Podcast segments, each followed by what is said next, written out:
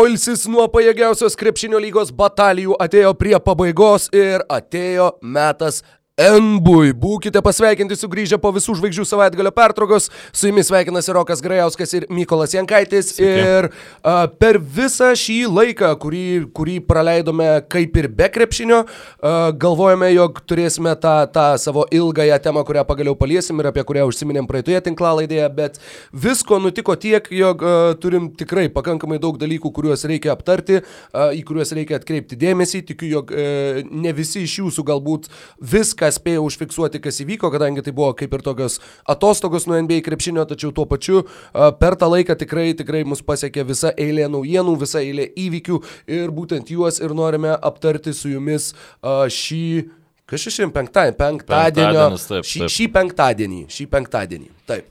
Sveiki, sveiki, mėlyjeji klausytojai. Tikrai labai smagu e, vėl sugrįžti e, prie NBA krepšinio. Na, nors ta pertrauka įprastinės savaitės, bet e, kažkaip labai buvo stokus, ypač pirmadienis, antradienis, e, atsikeli ryte nieko ne, neįvyko, jokių highlightų net pasižiūrėti, nekalbant apie rungtynių įrašus, tai jau labai smagu, bet šią naktį buvo toks įvadukas kelios rungtynės sužaistos, jau rytoj bus man, dar daugiau. Taip, ir šią naktį tikrai taip pat daug įdomių rungtynių žaidžia. Jau prasideda dabar žaidžia, tas, tas krepšinis, kur Mm. Viskas arba nieko, kai kurioms komandoms tai... O kai kurioms nieko. Kai kurioms jau nieko, tai toks e, labai didžiulių kontrastų krepšinis, kai vienos komandos ten lupasi, krepšininkai žaidžia atkrintamųjų režimų ir ten e, po 40 min minučių septynių žaidėjų rotacija, ten jeigu traumas praretina, o kitos ištraukia ten tokių krepšininkų, kur tu iš vis negalvoji, kad tokie žmonės gali egzistuoti pasaulyje. Tai, nu, manau, ir šis sezonas nebus išimtis. Ir... Štai pavyzdžiui, Juanas Toskano Andersonas šią naktį pelnė 10 taškų ir šiaip neblogai pasirodė ir beveik garantuoju, kad, nu, tiksliau netgi garantuoju, jog iki šio sezono tai tikrai niekas nebuvo girdėjęs tokio žaidėjo. Nebe, ne, nebus daugiau paminėtas jis mūsų. Po šio sezono manau, kad taip pat, taip pat niekas, niekas apie jį nieko ir nebegirdės. Uh, įdomu dar tai, jog šią naktį sugebėjo Hawksai pasimti Miami, nors atrodo, jog Atlanta turėtų būti ta komanda, kuri dabar jau, uh, na, suteiktų kuo daugiau galimybių vien jauniems savo krepšininkam ir, ir jų, nekovotų dėl bet pergalių, bet... Jų jauni krepšininkai yra Trejangas, kuris yra ir geriausias į tą sąrašą.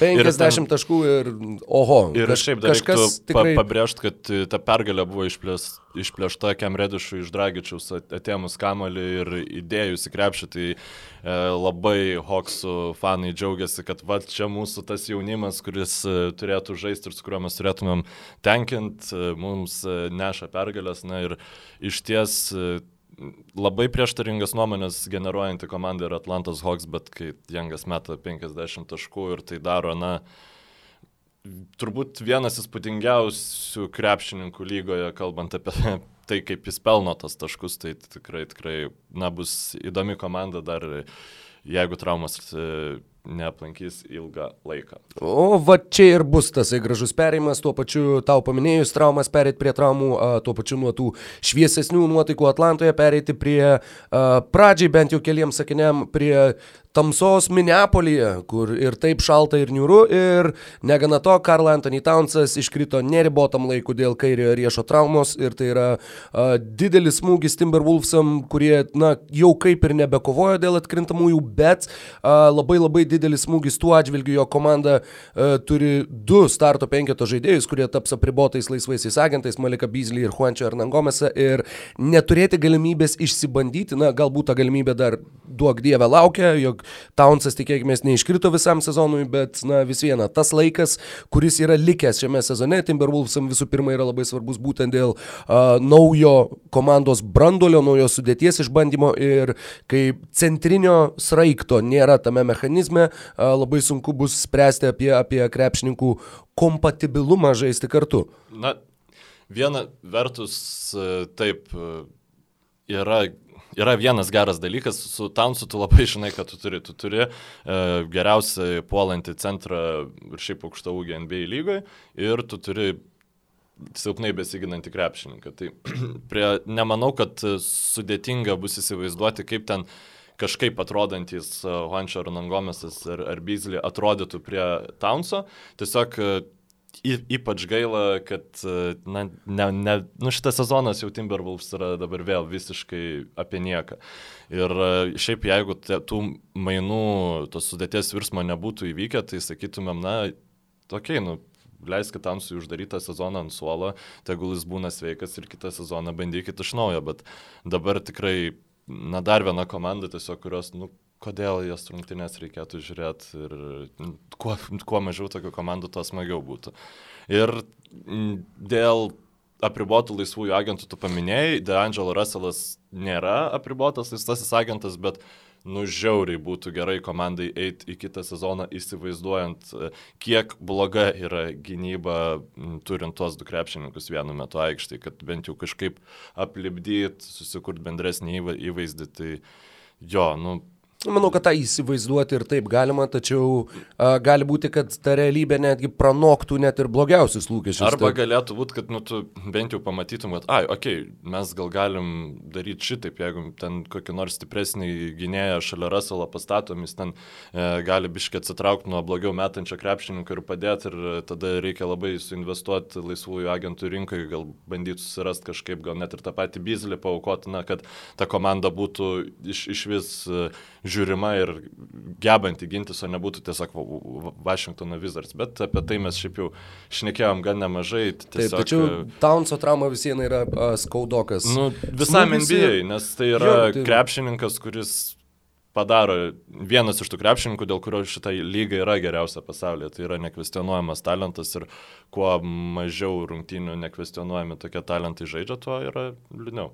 Be jokios abejonės. Net toks talentingas žaidėjas, atstovaujantis komandai, apie kurią, nuo kurios ir pradėjome šio, šį penktadienio pokalbį, Klintas Kapela, taip pat bent jau dar dvi savaitės neprisijungs prie Atlantos Hawks klubo ir atsižvelgiant į tą jo sveikatos būklę, taip pat sezonas artėja prie pabaigos ir egzistuoja tikimybė, kad žaidėjas bus uždarytas visam likusiam sezonui. Na, Kapela šiaip jisai turi ne tik Taip pat jis turi problemų ir su, kvepa, su kvepavimo takais. Aš dabar neatsimenu toks tai, tikslios kondicijos, tai yra kažkokia tai a, asmos atmaina, tai vėl krepšininkas, kuriam bereikalingo krūvio na, galima ir ne, neduoti. Vis, visien kontraktą turi, um, kažkokių didelių permainų Hawks sudėtyje, aš nemanau, kad jie to savo naujokus ten norėtų mainyti, keisti, per, perstatyti sudėti. Tai, na, liūdna, bet tikrai ne, ne, ne taip liūdna dėl kapelos. Kaip liūdna bet dėl. Vienas dabartinė kapelos kondicija, manau, dar labiau atskleidžia, dėl ko Rockets jį iškeitė. Ne, ne vien dėl to, kad va čia mes busim maži ir mes čia laimėsim NBA lygą, bet iš esmės e, turbūt jie galėjo iš vis neturėti kapelos, o dabar turi uh, Covingtoną, kuris, na, kol kas bent jau panašu, kad sveikas žaidžia ir tikrai na, turint omeny, kad uh, Mori, uh, Eddie Antony, tai gali būti paskutinis sezonas Houstone, tai tikrai, tikrai logiškas, dar labiau logiškesnis šitas jų ėjimas, pas, ne paskutinę dieną, bet paskutinę mainų savaitę buvo. Ir uh, Kas dar su traumom? E, ne, dar e, kalbant apie Ai, tą patį kapelą, kapelą baigiant, taip. E, vienas dalykas galbūt, kuris praverstų Atlantai visgi šiame sezone, yra išsibandyti jį šalia Džono Collinso, žinoti, kiek šie krepšininkai gali žaisti kartu, kiek visgi reikia juos atskirti vieną nuo kito ir laikyti atskirai kaip vidurio polėjus aikštėje. Ar reikia komandai ieškoti dar vieno vidurio polėjo, ar būtent ta vidurio polėjo pozicija bus padalinta tarp šitų dviejų krepšininkų. Tad yra klausimai, kuriuos būtų, būtų patogu turėti atsakymus jau šiais metais, bet be abejonės, kaip turi minėjai, Kapela turi kontraktą, visi jauni krepšininkai turi kontraktus ir... Ir, ir taip pat kontraktą turi Devienas Dedmanas, kurį jie, jie, jie gavo taip. iš Sacramento Kings. Tai, na, tiesiog komanda nebūdingai tokiai jaunai komandai yra ganėtinai e, išaldyta bent jau metams, manau, tikrai į priekį kažkokių, na, neįsivaizduoju, jeigu, jeigu jie su kapela sudėti nelaimėtų absoliučiai ne vienų rungtynių, okei, okay, gal tada kažkas ir įvyktų, bet dabar ne, nemanau, kad bus Vienas tik tai uh, finansinis klausimas yra tas, jog po šio sezono Jonas Collinsas gali pasirašyti iš ankstinį kontrakto pratesimą. Mm. Uh, taip kaip Domantas Sabonis tą padarė šiais metais, tai yra prieš paskutinius savo mm -hmm. metus, tiesiog iš anksto uh, prasitęsti kontraktą. Tad šiuo klausimu, šiuo atžvilgiu būtų, būtų jo, Atlantai tikrai naudingas. Svarbu, nes su tais iš ankstiniais pratesimais, na, labai rizikinga yra permokėt krepšininkui. Pavyzdžiui, Paceriam jam du sezonus šeilės tikrai pasisekė, kai jie taip pasitikėjo savo krepšininku ir Turneriui davė didelį kontraktą, kuris paskui atrodė labai, labai geras, bent jau ypač šią vasarą, šį sezoną gal jau netaip smarkiai. Saboniui irgi davė kontraktą, kuris buvo toks šiek tiek kontroversiškas ir Sabas jį, na, tiesiog sutriuškina visas abejonės. Na, bet mes turim ir Minnesotos Timberwolves, kurie davė Viginsui kontraktą oi, oi. po tokio kaip ir prastesnio sezono, bet tikėjos, kad ten bus išvis komiška geriau, istorija. Ne? Ten savininkas Glenas Tayloras pasikvietė Andrew Wigginsą asmeniniam pokalbiui ir, žodžiu, susitarė su krepšininku, kad jisai tobulės ir tada davė jam maksimalios vertės kontraktą. Na? Timberwolves, gona Timberwolf. Bet uh, tęsiant apie traumas, kadangi būtent traumos uh, šiuo atveju tikrai turi įtakos komandų likusiai sezono daliai. Dar vienas krepšininkas, kuris uh, nežais mažiausiai mėnesį ir taip pat gali būti, kad nebežais šiame sezone, yra Krisas Danas iš Chicago's Bulls, kuris taip pat, na, buvo Jimmy Butlerio mainų dalimi, atvyko iš Minnesota Timberwolves prieš kelis sezonus ir šiais metais, nors ir toliau nesugebėjo įrodyti, kad gali išmokti mesti į krepšį bent kada nors savo karjeroj, bet e, pirmavo visoje lygoje pagal perimamų kamolių procentą, tai yra ne, ne, ne vidurkį per rungtynės, bet kiek procentų atakų varžovų tu nutrauki perimdamas kamolį ir labai stipriai prisidėjo prie to, jog komanda pirmavo visoje lygoje pagal perimtus kamolius ir vis dar pirmauja šiuo metu. Apskritai, uh, tik 7 taškai per rungtynės šiame sezone, mažiau negu 4 atkovoti kamuoliai, mažiau negu 3,5 rezultatyvaus perdavimo, e, blogiausias sezonas nuo jo debutinio sezono, na, debutinis buvo Minnesotai, dabar trečias Čikagoje, tad blogiausias sezonas būtent nuo atvykimo į Bulls, e, jisai sužaidė 52 rungtynės pirmais metais, 46 rungtynės antrais metais, 51 susitikimą šiais metais, e, tad traumų taip pat, na, reputacija, sakykime, žaidėjas jau turi nemažą.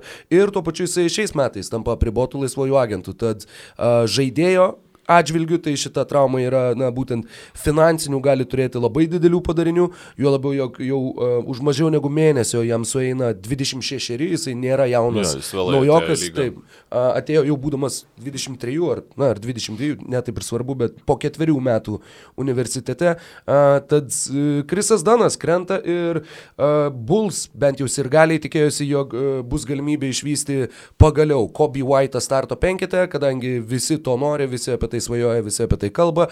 Beje, Bulls sirgalių forumuose labai daug rašė įvairiuose šaltiniuose ir, ir tiek pat ir Čikagos žiniasklaida vietinė, jog netoks didelis, e, kaip čia pasakyti, neįvertinimas, e, tas žodis snub yra angliškas, netoks didelis neįvertinimas buvo Lavino nepakvietimas į visų žvaigždžių rungtynes, kaip Kobe White'o nepakvietimas į kylančių žvaigždžių mm. rungtynes, kur yeah. iš tikrųjų statistika na, to tikrai nesako ir, ir netrodo, jog e, tai buvo didelis kažkoks kažkieno klaida nepakviesti šio krepšininko. Jis atakuoja labai neefektyviai, tai yra taškus renkantis į žaidėjas, kuris taip pat yra silpnas skirstydamas perdavimus, yra na, žiūri 80 procentų laiko tik tai į varžovų krepšį ir ieško savo metimų ir bent jau kol kas tų metimų susikurti efektyviai negali ir, ir tai ir lemia jo labai prastą pataikymo procentą. Ir Kobe White'as bent jau kol kas nežaidžia starto penketę, kaip ir po traumos pasveikęs Jėzovos nepasakiau Darius Garlandas. E, Danielis Geffordas, šių metų naujokas aukštaūgis, kuris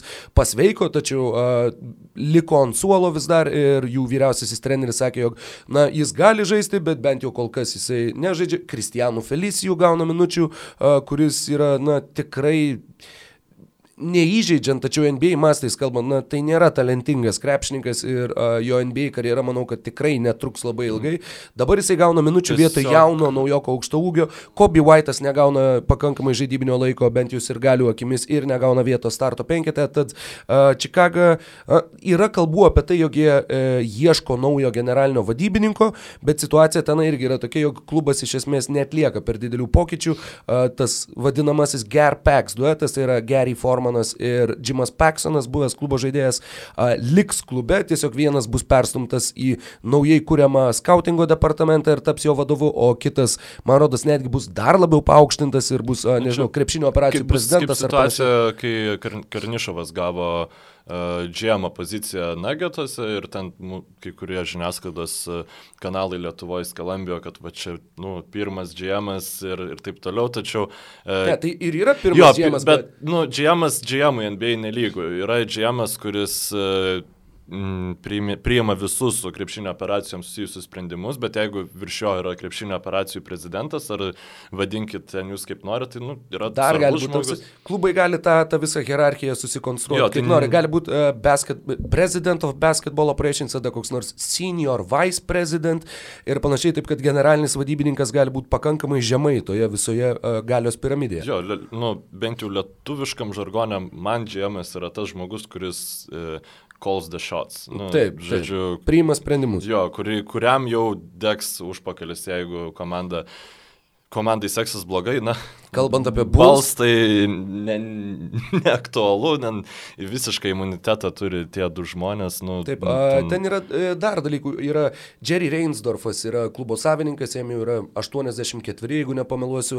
A, dabar sprendimus, kaip ir priminėja jo sūnus Michaelas Reinsdorfas, a, jo žmona yra geriausia draugė su kažkurio, neatsimenu kurio, ar Formano, ar Paksono žmona, tad viskas yra apsiraizgę tokiuose, ne, ne, taip, nepotizmo vijok medžiokliuose ir Čikagos Bulls, na, nors ir atlieka tą kažkokį, galimai atlieka tą kosmetinį pokytį, tačiau klubas tikrai uh, Atmetus tą vieną gerą sezoną su uh, Deriku Rauzu ir Tomu Tibodo ir žaidimu rytų konferencijos finale, komanda nuo Michaelo Jordano laikų vis dar Tuomet ir buvo ta prošvaistė, kurią, kurią dėja nutraukė Rauzo trauma, bet dabar taip pat na, klubas savo persistatymo procesą dabar jau vėl kaip ir turėtų pradėti iš naujo, kadangi nieko nepavyko padaryti, žaidėjai yra nepatenkinti. Lauri Markanenas lyg ir pusę lūpų kalba, kad turbūt norėtų atsidurti kitoj komandai, kadangi čia jis... Spars jaučiasi, jog, jog netobulėja. Nu, būtų, Šiaip, būtų smagus variantas. Jeigu Marken, už Markeneną ten kokį Darauzaną pavyktų išsiųsti sparsam į, į, į bulius, o siaubingas būtų, aišku, polimas su lavinu ir, tiksliau, net ne polimas gynyba, kokia baisi būtų, kur lavinas. Na, bet čia, čia jau te, teoriniai čia... variantai, bet uh, jo, jo, tai būtent Krisas Danas krenta lauk ir, ir Bulls. Bulls beje vis dar tikisi, jog jie uh, kovoja dėl nu, atkrintamųjų varžybų. Nuostabu. Jie vis dar tiki šituo, šituo variantu, jie šiuo metu yra, jeigu nesumeluosiu, dešimti, toj pat pasakysiu tiksliai, jų užimama vieta rytų konferencijoje yra 11.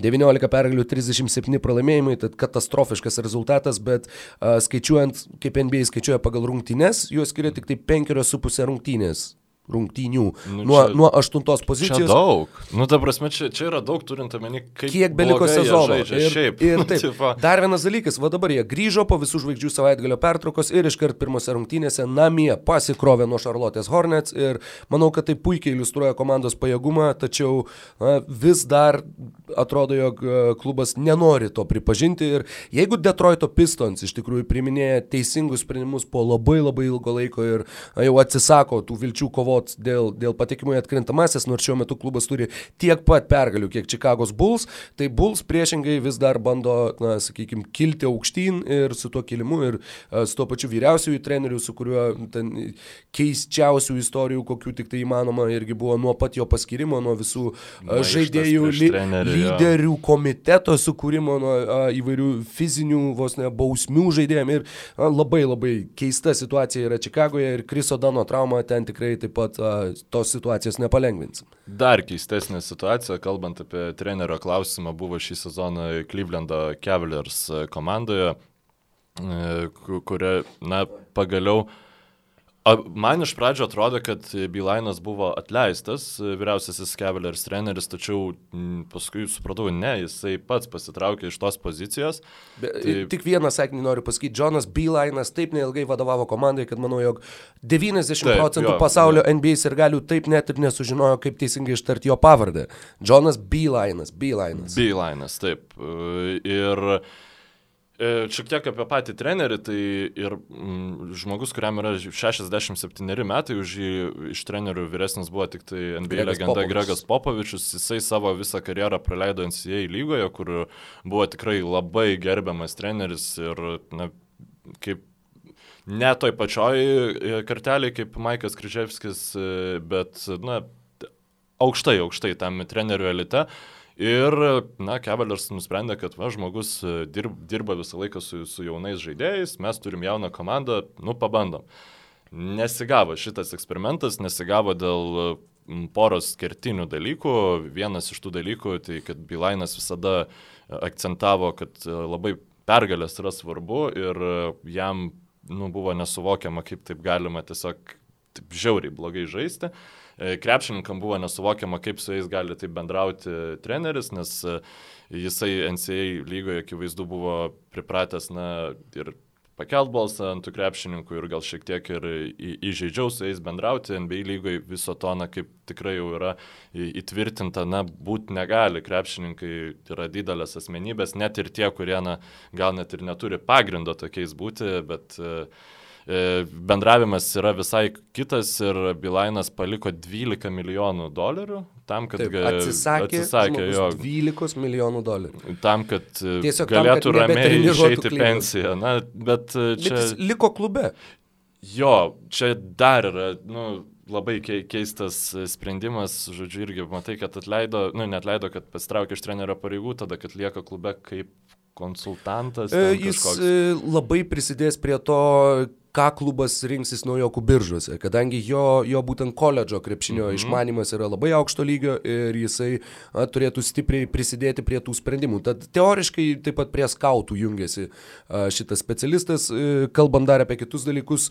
A, Beeline'as buvo Mičigano universitete, praleido pastaruosius keletą sezonų. Beveik dešimt, žinok, ten netgi buvo, man atrodo, nuo, nuo aštuntų metų, ar tai... Metų. Kažkas, nu, ta prasme, ilgą bijau laiką. Bijau sumuoluoti, bet taip, sakau, ilgą laiką ir buvo vertinamas kaip labai geras puolimo specialistas, Klyvlando puolimas toli gražu neblizgėjo šiais metais, bet prie to žinoma prisideda ir komandos komplektacija. E, keli įdomus dalykai, kodėl apskritai buvo faktiškai pasamdytas šitas vyriausias treneris. Klubo generalinis vadybininkas Kobe Altmanas tuo metu vykdė interviu su kitais kandidatais. E, Ta akimirka kalbino vieną iš Denverio Nuggets asistentų, bijau sumeluoti kurį. Ir e, faktiškai jam už nugaros komandos savininkas Danas Gilbertas sutarė su Johnu Beelineu. Pats Danas Gilbertas yra iš Michigano valstijos, yra baigęs Michigano universitetą ir labai norėjo Michigano universiteto trenerio Clevelando Cavaliers klube ir faktiškai beveik be generalinio vadybininko žinios paėmė, sutarė ir, žodžiu, paskyrė šį, šį žmogų vyriausiųjų trenerių. Taip, nesusikalbėjusiai su žaidėjais, tu pirmą kartą, na, tu visą gyvenimą faktiškai dirbai su, negalim sakyti, vaikais, bet, nu, su, su jaunais žmonėmis, o čia ateini dirbti su vyrais ir, žinoma, tas perėjimas, kaip galim dabar įsitikinti tikrai nėra, nėra paprastas ir nėra lengvas. Uh, negalėjo jisai taip pat, na, taikyti žaidimo sistemų, bent jau kiek teko skaityti, kad, žodžiu, ne, ne, netaikė jų prie žaidėjų, turėjo savo griežtą viziją, žaidėjai su ta vizija nesutiko, tad ir čia atsirado trintis. Dar vienas dalykas, ta istorija, kuri nuskambėjo pakankamai plačiai apie, kaip jisai video peržiūros metu panaudojo žodį thugs. Uh, tai yra, kaip čia pasakyti, na, kaip banditai, sakykime. Lietuviškai vertiniai yra banditas ir galvažudys. Banditas ir galvažudys, neblogai. Na, jo, bet, nu... tai, uh, žodžiu, sakykime, šitame kontekste tai yra rasistiškas. Taip, Amerikoje buvo... tai yra absoliučiai su mm, odos spalva Taip. Neatsiejamas tiesiog. Juo labiau, kai tai yra 67 metų baltodis treneris, sakantis uh, juododžių, na, sakykime, dominuojamoje nu, rūbinėje šitą. Osmanas ir šit, šit, Kevinas Lav ir Taip, Žyžičius, ir Žyžičius, jo. Nu, tikrai tad, tad situacija buvo labai aiški ir kas vyko po to. Po buvo to žaidėjai taip specialiai pradėjo leisti garsiai visą laiką pamatę treneriai visus gabalus, kur yra žodis tag, žodžiu, bone tugs and harmony, neatsimenu, koks ten tagiš, slagiš kažkaip ten vadinas, tupako tugs mention.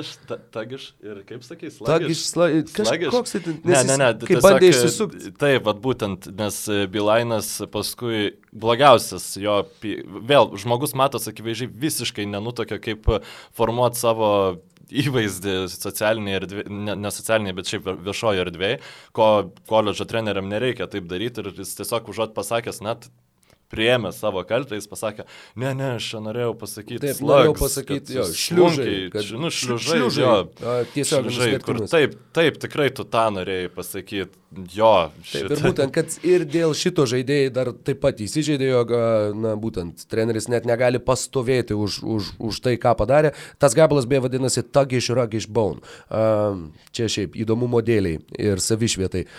Tad, žodžiu, situacija tikrai, tikrai buvo, na, labai prasa Klyvlandė ir beje, Andre Dramondas taip, atvykęs, taip, ką tik jau spėjo pasakyti, kad Detroite buvo daug geriau. Mikroklimatas, žodžiu, visas buvo daug geresnis negu ir, čia Klyvlandė. Jis... Ir mes kalbam apie Detroito Pistons, kur, na, tai tikrai irgi ne, ne, ne kaip čia pasakyti, ne rožių žiedlapiais apibarstyta rūbinė ir tikrai, na, negarsėjantis klubas savo labai jau gerą žaidėjų tarpusavio chemiją.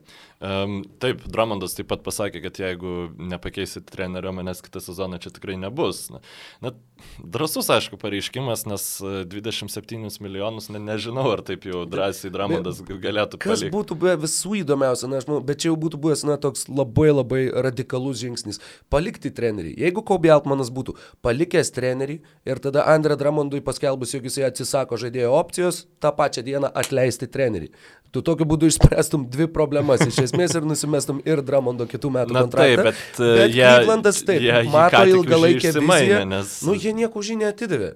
Ne, bet jie nu, jį prisėmė, nu, tai jeigu tu norėtum, kad nebuvo taip, kad žaidėjai, kuriuos jie už jį atidavė, buvo kažkoks ten uh, bad salary, atsiprašau, ar, ar panašiai, ne, nu, jie tiesiog nusprendė, kad jie nori Dramondą savo komandai. Tai dabar iš karto jau provokuot, kad Dramondas e, atmestų savo žaidėjo opciją, na tai nežinau, nebent tu e, norėtum jį paskui pratest, kad keturiems metams po kokius ten 12 milijonų ar panašiai, nes, nu, šiaip manau, kad Dramondas daug pinigų laisvų agentų rinkai tikrai, tikrai negautų. Na, 12 Aš manau, kad jis tą žaidėjo opciją tikrai, tikrai, pa, tikrai pasiims. Bet mes manėm, kad ir Valančiūnas pasiims. Manėm, bet, bet va, buvo kaip buvo. Bet beje, ten buvo sužaista gerai visgi. visgi Dar ten... grįšim šiek tiek prie, prie Valančiūno. O jo, tiesiog... už, užsiminsim. Uh, kalbant dar apie kitus dalykus, uh, dar yra pora. Aš apie Bilainą dar, A, dar norėjau Bilan, porą dalykų pasakyti. Tai mm, vienas iš tų dalykų, dėl ko jam šiaip buvo sunku, nes NBA lygai, na, bent jau Cavaliers apžvalgininkai tai prašo, kad NBA lygai beveik ne, nėra laiko video peržiūrom ir žaidėjai daug, daugumoje gauna uh, sukramtytus, sumontuotus video skirtus grinai jam prieš rungtynes, uh, apšilimo metu per planšetės individualiai, žodžiu, pažiūri, ką ten, kaip reikia daryti. Ir Bilainas net nesugebėjo adaptuotis visiškai prie šitos sistemos, dėl to jam ir tų savo krepšinio filosofijos nesigavo integruoti. Tiesiog jis įsivaizdavo, kad tai bus viskas kaip koledža, bus tiek laiko. Ilgas treniruotės, taip ir visi kiti. Ir kitas dalykas tai yra na, galvažudys trenerių, tai yra JB Bicker staffas, kur, nu, tu, jeigu tu pradedi sezoną ir tavo e, asistentas yra JB Bicker staffas, tu jau gali planuotis pavasario atostogas, nes jis tikrai, tikrai. Kevinas Maheilas atleistas iš Houstono, vietojo ateina ateina JB Bickerstaffas, uh, Memphija vietoj Davido Fisdale'o, jeigu mm, atmintis mm, neapgauna. Taip, taip, atėjo. Ar vietoj šiaip... Deivo Jėgerio? Vietoj kažkurio iš Ne, ne, ne, Fisdailas atėjo vietoj Jėgerio ir teisybė. tada vietoj Fisdailo atėjo JB Bickerstaffas ir būtent Buvęs su juo Valančiūnas žaidė taip. geriausią karjeros krepšinį. Rezultatyviausia, tiksliau, gal taip reikėtų pasakyti. Ir šį sezoną Bickerstaffas tai iš karto buvo ta raudona vėliava, kur tai e, buvo vienas iš geriausiai apmokamų NBA asistentų labai panaši situacija buvo ir su Davidu Blatu, Cleveland Cavaliers mm. komandai, kuomet, na, šiek tiek prieš, nepamenu, berots prieš savininko valią buvo paimtas e, Davidas, e, Davidas Blatas kaip vyriausiasis komandos treneris ir tada, na, kaip saugiklis buvo paimtas e, Lū, kuriam buvo duotas vienas didžiausių kontraktų. Tuo metu, man atrodo, didžiausias. Jo, didžiausias taip, kontraktas. Taip, taip. Labai va panaši situacija prieš sezoną buvo ir Los Angeles, nu, ir dabar tebėra Los Angeles Lakers, kur buvo paimtas Vogelis ir kaip saugiklis Jasonas Kidas, kur, na, ačiū Dievui, Lakers ne, nesukuria kol kas precedento Jasoną Kido paskirti vyriausiųjų trenerių, tėve brangus, kaip būtų blogai, jeigu taip įvyktų. Ir, nu, žodžiu, jo, nesmagu ir tu šiaip pavojaus signalo buvo ir iki sezono metu, kai jis ten va, uh, šitose iki sezoninėse rungtynėse pasiemė tus jaunus krepšininkus iš G lygos ten ir tuos naujokus ir žiauriai alinančias treniruotės visokias darė. Ir vienas iš Cavaliers naujokų, na, kur įdėjo šiaip vilčių prieš šį sezoną Clevelando fanai. E, Dylan Windler būtent tų treniruočių metu patyrė stresinį kojos lūžį ir šį sezoną nežaidžia. To tikėjausi, kad bus Osmanas ir Windleris konkuruos dėl pozicijų. Tai tas labai nesmagu. Kitas dalykas, na, nepatvirtintas, bet šiaip sakoma, kad e, Bylainas norėjo, kad e, krepšininkai treniruotųsi antrą kalėdų dieną. Tai, nu, vėl, žodžiu. Koledžas ir NBA. Manau, kad ir dabar, uh, sakykime, bent jau kokį penketą metų kaip minimum, jeigu bus vyriausiasis treneris, kuris ateina iš koledžo į NBA, uh, Džono Bylaino pavardė bus minima iš karto e, kaip, būtent kaip pavyzdys, kaip nepavyksta integruotis ir a, bus lyginama būtent, būtent su šita situacija. Galima Stevensą prisiminti, bet, Taip. bet pats profilis. Y, y, yra, vis... yra, žinoma, yra tų trenerių, kurie yra atėję, bet būtent šis pavyzdys taip pat bus, manau, ryškus ir labai ilgą laiką. A, Mykolai, kiek turėtumėm atkreipti dėmesį į tai ir, ir kaip, kaip tam ką tu pats galvoji apie tai, jog uh, sprendžiant iš to, ką sako Los Angeles Lakers klubo atstovai, Damarkusas Kazinsas gali grįžti atkrintamosiam varžybom į aikštę? Mm, ne, nežinau, žinok, sunkiai įsivaizduoju situaciją, kurioje Kazinsas dabartiniai Lakers komandai būtų naudingesnis negu Howardas ar Magi. Uh, bent jau toks Kazinsas, kurį aš atsimenu, na, praėjusią sezoną ir panašiai, nes gynybais tikrai yra prastesnis už abu tos krepšininkus. Mano, nu, nesupykit Kazinso fanai, jeigu dar tokių yra įsitikinimų.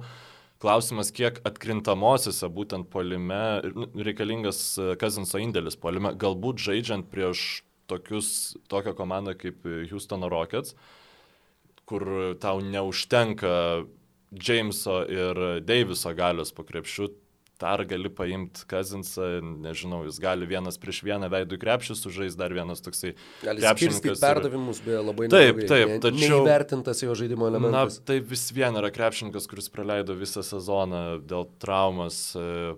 Nežinau, aš, aš manau, kad vertingiausias dalykas su Kazinsu susijęs buvo jo kontraktas. Jo palinka nesugebėjo išmainyti ir dabar tikrai nemanau, kad tai bus reikšmingas krepšininkas atkrintamosiose. Rungty, vienas varžybose. epizodas, kuris e, iškyla galvoj, aš bijau sumiluoti tik tai kelintos, tai buvo e, šių metų finalo rungtynės, antros, berots, kai Kazinsas grįžo į aikštę ir kai keletą minučių tikrai e, įkvėpė Warriors komandą, suteikė visiškai kitos, kitos irgi uh, įvairovės didesnės man polime. Antros tai buvo. Man, man irgi taip, taip atrodo, sakau, jeigu atmintis neapgauna. Tad galbūt kažkuris toks va blykstelėjimas galėtų būti, tačiau, na, sakykime, ilgalaikiai perspektyvoje arba a, stabiliai žiūrint į, į komandos žaidimą, a, tau pritarčiau, jog turbūt Kazinsas neįneštų, na, sakau, tos kasdienės naudos, tačiau kaip tas vienų rungtynių X faktorius, jezu, kaip nekenčiu šito žodžio, reikia kažko jį pasikeisti savo žodinę.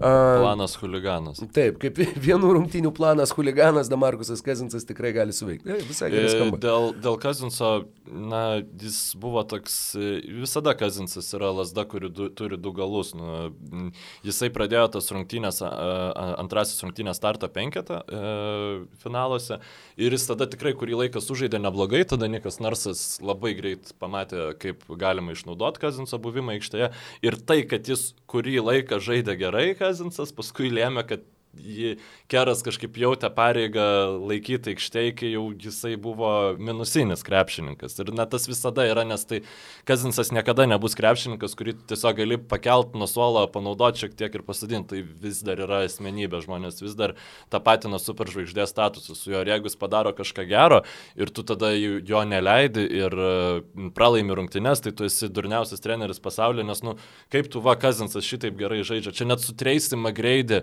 kai 13 e, metais Spars e, pralaiminėjo hitam seriją, ten nu, visi tikrai pamenu, komentatorių buvo tokį krepšininką turėjo ant suolo ir tu jo neišnaudoji. Nu, labai sunku atsis, e, atskirti buvusi krepšininką nuo to, kas jis yra dabar. Kas jis yra dabar, mes dar net nežinom. Tai, na, aišku, įdomu.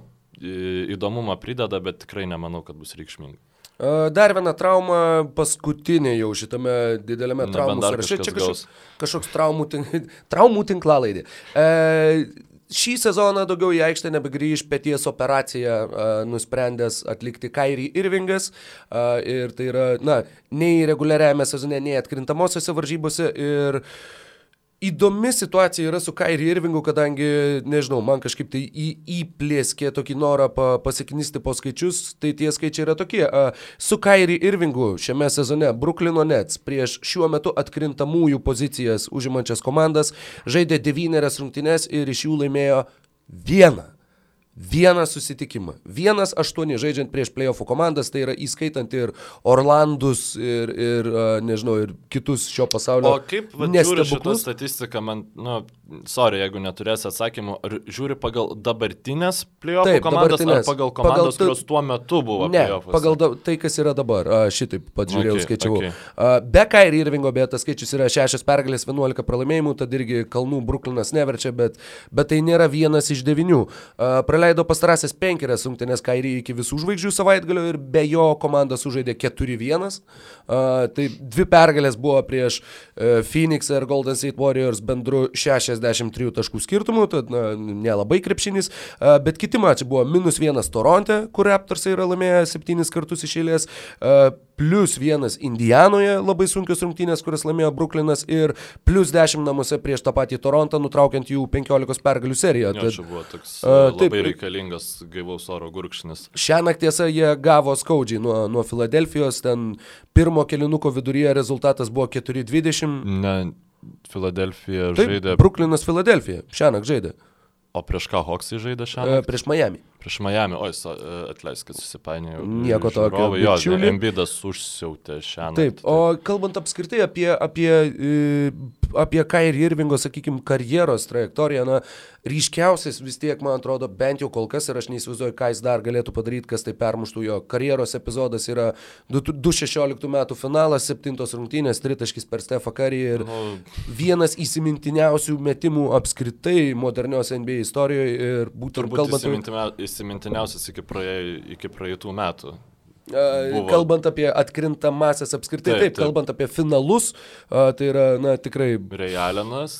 Jo, Realano metimas ir šitas metimas. Yra du, kurie yra, na, ryškiausiai įstrigę, kadangi kai spaudimas buvo didžiausias, kai ant kortos kabojo viskas, tie du žaidėjai pataikė Realano atveju netokį sudėtingą, tačiau, na, taip pat sudėtinga tritaškį. Ten pati situacija buvo sudėtingesnė. Kairi Irvingo atveju tai buvo grinai individualaus meistriškumo susikurtas uh, fantastiškas šūvis, uh, bet po to, po to metimo uh, Kairi sužaidė gerą sezoną Cleveland'e, finale gavo nuo Kevino Duranto ir Golden State Warriors, tada pareikalavo būti iškeistas, atsidūrė Bostone, tenai dėl kelio traumos praleido pirmo sezono pabaigą, o antro sezono pabaigoje Nu, iš pirmo žvilgsnio vietomis net sąmoningai skandino komandą serijoje su Milvokio Bucks, e, darydamas tiesiog protų, prot, priimdamas protų nesuvokiamus sprendimus. Uh, dabar jisai kartu su tuo pačiu Durantu atvyko į Brukliną, kur šiame sezone liks sužaidęs 20 rungtynių, iš kurių jo komanda laimėjo 8 uh, ir dar sėk primenu prieš atkrintamųjų komandas vieną kartą iš 9 ir dar per tą laiką jau spėjo pritraukti neigiamo dėmesio komandai, išvardindamas kertinius komandos krepšininkus, tai yra Save Durantą, Deandre Jordaną, Spencerį Dinvidį, Geretą Templą ir Kerisą Levertą, nepaminėdamas nei Joe Harriso, nei Torijono Princo, nei Rodiono Kruco, nei Jareto Elono ir iškart išprovokuodamas žiniasklaidos klausimus tiem jauniem krepšininkam. Kaip tai kalbėti? Taip, na, tai yra, bet tai yra žaidėjas, kuriam ir žemė yra plokščia. Na, tai yra na, daug yra tų dalykų, kurie, na, sakykime, būtent lyginant su tuo, kaip jisai atrodė 14-15 metų sezone, kai Lebronas grįžo į Klyvlandą, tų pačių 15-16 metų sezone. Tai buvo žaidėjas, kuris, na, iš kurio nors jisai ir žaidė kaip, kaip tas antras muikas, kaip uh, Robinas Lebrono Batmanui, bet tai buvo uh, tikrai, sakykime, tiek jo vertinimas apskritai jo paties kaip asmenybės, tiek jo paties kaip žaidėjo, tiek jo indėlio į komandos uh, pergalingą žaidimą uh, buvo visai kitoks negu, negu kad yra šiuo metu. Ir, sakykime, ta reputacija ne dėl to, kad jisai patyrė tą traumą, bet apskritai dabar jau, dabar jau galime įvertinti jo pirmą sezoną Bruklinė, kadangi jo sezonas baigėsi. Ir tas sezonas, na, tikrai Suprantama, jo Kevinas Durantas traumuotas.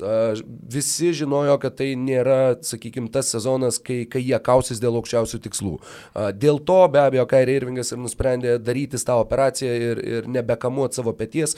E, beje, Celtics, e, kai jisai praleido tą pirmo sezono galą, jisai išsioperavo kairį kelią, kurį jisai susivarė 14-15 finalo serijoje, kai pirmose rungtynėse žaidė, bet pratesimo metu gavo traumą ir iškrito. Tad, na, sakykime, čia jau yra šioks toks pasimokymas ir nebeužlipimas ant to paties greblio, jog jeigu trauma yra ir ją, na, jinai ga, turi potencialo tapti ilgalaikiai, ją geriau kirsti ir stabdyti iš karto kiek įmanoma anksčiau, nors jis bandė ten žaisti su nuska, nuskausminamaisiais, kalbant apie šitą pėties traumą, bet na, sprendimas kaip ir logiškas, bet būtent na, ta reputacija ir tas, sakykime, įvaizdis Kairi Irvingo, kur Prieš tuos kelis metus tai buvo viena iš ryškiausių jaunų NBA žvaigždžių ir uh, ypač, ypač, sakykime, jaunų NBA ir galių labai mėgstamas ir e, idealizuojamas žaidėjas.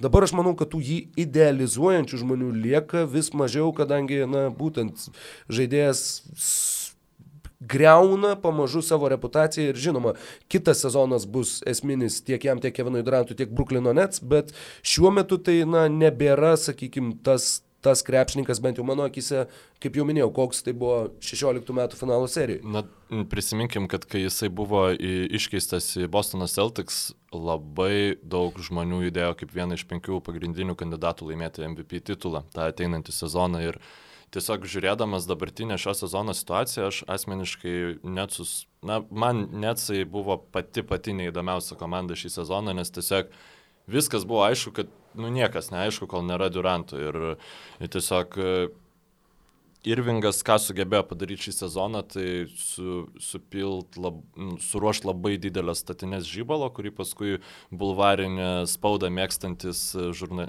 bulvarinė spauda užsiemantis žurnalistai galėtų pilt į ugnį kitą sezoną. Nes, na, tikrai, jeigu Netsai nebus pirmieji rytų konferencijai su Durantu ir Irvingu, nu, ras, kur, iš kur, kaip čia pasakyti, ištrauks liekų, ar kaip ten Jasikevičius buvo išsireiškęs. Nu, nebus ramus sezonas ateinantis, tikrai, tikrai ne, negalės. Ir tą, tą spaudimą, būtent to spaudimo pats, ką ir jį, kaip tu ir sakė, ir prideda. Ir kur taip, taip, taip. žaidėjas, kuris tikrai bendrauja su žiniasklaida išskirtinai, nežinau, ne, neatsargiai, neprotingai, tiesiog vis sugebėdamas leptelt ką nors, kas, kas a, iš tikrųjų, a, na, tampa tuo dvi ašmenių kardu, kurį galima po to atsukti prieš jį patį ir jo komandą.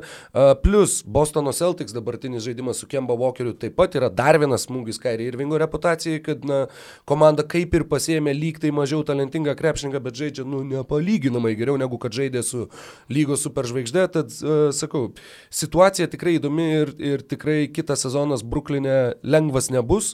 Ir uh, Kalbant apie šį sezoną, na taip pat komanda šiuo metu yra atkrintamųjų varžybų pozicijoje, jie užima septintą vietą rytuose, bet klausimas dar kaip jiems pavyks užbaigti sezoną, nepaisant to, kad be Kairi Irvingo jie žaidžia geriau negu su Kairi Irvingu, kaip ir Bostono Celtics. Ir, ir gali būti, kad viena iš tų komandų, kurios, na, sakykime, komandos, kurios puoselėja viltis, tokios kaip Washingtono Wizards, tie patys Čikagos Bulls, uh, gali būti, jog netgi labiau turėtų taikytis ne į Orlando Magic rezultatą, o į Bruklino Nets, priklausomai nuo to, kaip sezono pabaigas užžais Bruklinas. Jeigu jie geriau žaidžia be Rivingo. Teoriškai, bet praktiškai. Saugo kitas spaceriai. Iš esmės. Na, Skirtumas per didelis. Manau, jo, ne, ne, čia ne, matematiškai tikrai, tikrai, labai sudėtingai būtų pagauti, labai sudėtinga būtų pagauti Indianą. Ne, ne, nu, ir, ir matematiškai, ir šiaip logiškai remiantis. Jo, mm, Ne, neturiu ką pridurti, man tiesiog atrodo, kad Celtics nebuvo tokie blogi su Irvingu, kaip dabar atsimena medija ir šiaip fanai, bet taip atsimenama yra dėl to, kiek šaršalo sukėlė Irvingas būdamas e, Celticsuose. Tai tiesiog... E, ne, toksai... be jo jie žaidė konferencijos finale. Nesmė, kad varžovai pakeliui buvo lengvesni negu kad, kad Milvokis pernai, pernai, pernai, taip. Jo, jo. Uh, bet, bet, na, yra kaip yra ir, žodžiu, tų, tų mm, kabliukų, už kurių galima kabintis, yra, yra žvėriškai daug. Ir labai įdomu, kaip toliau, uh, sakykime, jeigu NBA yra labai, labai didelis ir labai ilgas serialas, tai labai įdomu, kaip šito veikėjo sužetinė linija uh, dėliosis toliau.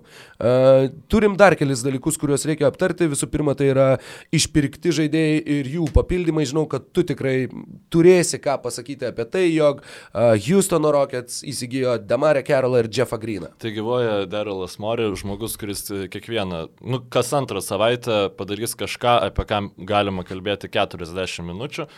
Du krepšininkai, kurie, kuriems šis sezonas, nu, čiaurus nusivylimas po pernai metais buvusių kaip tik tokių karjerą atgaivinančių sezonų tiek Demarė Carolas um, Brooklyno Nets komandai, tiek uh, Jeffas Greenas uh, Washingtono Wizards žaidė tikrai, na, ne, jeigu jo ir, ir Greenas Wizardsuose žaidė žiauriai gerai, tai, nu, ta prasme, gerai, ne, ne žiauriai gerai, bet žaidė geriau negu bet kurį kitą sezoną. Ir uh, krepšininkas, kuris, na, buvo kaip ir nurašytas daugelio lygos komandų, tiksliau nenurašytas, bet krepšininkas, kurį dauguma lygos komandų pabandydavo ir paskui numesdavo, nes nieko doro iš jo nebūdavo. Tai žmogus, tas kur... amžinai perspektyvus. Jo, jo, 11-12 metais Grinas praleido visą sezoną dėl širdies operacijos, tai šiaip iš vis yra nuostabu, kad jis vis dar žaidžia profesionaliai krepšinį ir e, su sveikata daugiau jokių tokių reikšmingų problemų neturėjo. Ir na, praėjusią sezoną jis už Wizards žaidė atakavo 35 procentų taiklumu nuo trijų taškų zonos. Jisai e, savo e, žaidimu pagerindavo Wizardsų polimą, na, šiek tiek pablogindavo gynybą, bet šį sezoną Jazz komandai, na, jam nesigavo prisitaikyti prie tų griežtesnių sistemų, kurias yra įdėgęs e, Snyderis, Jutas Jazz treneris. Ir labai panaši, man atrodo, situacija buvo ir su Demario Kerolu, kad kai net jisai žaidė tą tokį laisvesnį krepšinį, jisai ten sugebėjo ir polimerą savo vietą, kažkaip tą balionus pradėjo mėtyti, įsiverždamas į baudos aikštelę, kur nu, yra vienas tokių dalykų, kur tu nu, nesuvoki, kaip iš vis gali va šitas krepšininkas įsiveržti baudos aikštelę ir kai šalia tavęs yra Kerisas Leveras ir Spenceris Dinvidi, leisti savo mest balioną. Nu, ta prasme, bet mesdavo kartais net ir pataikydavo. Šiemet Spars na, visi fanai tiesiog, jeigu jūs parašysit Carol ir Weird arba Strange į Google, gausit tūkstantį komentarų, e, kurie yra būtent iš San Antonijos Spurs forumų, nesuprato nei kodėl jisai e, nežaidė, tai lyg ir sirgo, lyg ir nesirgo, bet man atrodo vėl viena iš tų pagrindinių priežasčių tai yra komanda, kuri turi labai aiškę savo žaidimo filosofiją, labai e, treneris su be galo stipria ideologija ir Na, ir rotacija nesu... tiesiog kažkaip nu, neliko vietos Demarė Kerlui. Ir... Bet taip, nu, nebuvo planuota, kad jam neliks vietos, nes, nes tai nėra komanda, kuri... Tre, trejų metų kontraktą, ne vienam sezonui, trejų metų ir Sparsai jį išpirko ir atleido ir dar mokės jam ir kitam sezone tam, kad jisai nežaistų už San Antonijos Spars. Taip, ir net vėl organizacija tiesiog gal padarė tokį kaip ir solidų, solidarizavusi su krepšininku, leido Taip, jam... Paslauga žaidėjai. E, leido jam eiti komandą, kur, kur na taip, irgi yra labai aiški žaidimo filosofija, bet jinai yra viena vertus komplikuota, kita vertus yra labai aiški tavo rolė, ypatingai polime. Jisai žaisdamas už Bruklino Nets 80 procentų savo tritaškių metė būtent po rezultatyvių perdavimų, aš manau dabar bus visas 100 procentų ir tai yra aukščiausias, jeigu jisai bus rotacijoje, tai yra aukščiausias Houstono Rockets krepšininkas, tai čia kaip savo atsarginį centrą jie pasijėmė. Žodžiu, ir nežinau, man tai nu, labai įdomu, kokiu dar lengvųjų kraštų ištrauks Derilas Mori. Aš žiauriai nustepčiau, jeigu Harklesas ne, nežaistų už Houstono Rockets šio sezono pabaigoje, nu, nebent Niksai nuspręs, kad tai yra svarbus krepšininkas jam šį sezoną ir ne, neišpirks jo. Ne, nežinau, e, ką čia dar būtų galima pridurti, tai tavo gal nuomonė būtų įdomi, kuris krepšininkas bus svarbesnis iš šitų dviejų Houstono Rockets. Nes pirmose rungtynėse tai buvo Jeffas Greenas, sumetė 17 taškų. Na, bet pirmas rungtynės buvo ne su NBA komanda, su Golden State Warriors. Tada taip, taip, taip. žaidė daug minučių tie, kas e, kovingose rungtynėse tiek tų minučių negautų. Manau, kad tai turėtų būti Demarė Kerolas, jeigu jisai sugebės įrodyti visus tuos savo žodžius, jog na, jis šnekėjo visai neseniai su žiniasklaida ir sakė, jog na, labai nemaloni šitą situaciją San Antonijoje, labai nesmuku, kad na, kai tu negauni žaisti, tada visi galvoja, kad tu esi traumuotas, nors aš nesu traumuotas, aš esu pasiruošęs žaisti ir aš noriu žaisti ir a, aš, na, sakykime, jaučiu tas lubas, kuriuo aš negaliu pramušti ir negaliu išeiti į aikštelę. Ir a, galiausiai būtent tie komentarai ir, ir leido jam palikti San Antonijų ir a, išvykti į Houstoną. A, taip, manau, kad tai bus Kerolas. Kerolas yra gynybinio plano, bent jau teoriškai naudingesnis žaidėjas. Roketam reikia būtent to tipažo krepšininkų. Jeffas Grinas nėra puikus krepšininkas gynyboje. Beje, vienas labai įdomus faktas, nu tikrai žiauriai geras. Memphis Grizzlių šaukimas priklauso Bostono Celtics šiais metais dėl Jeffo Grino.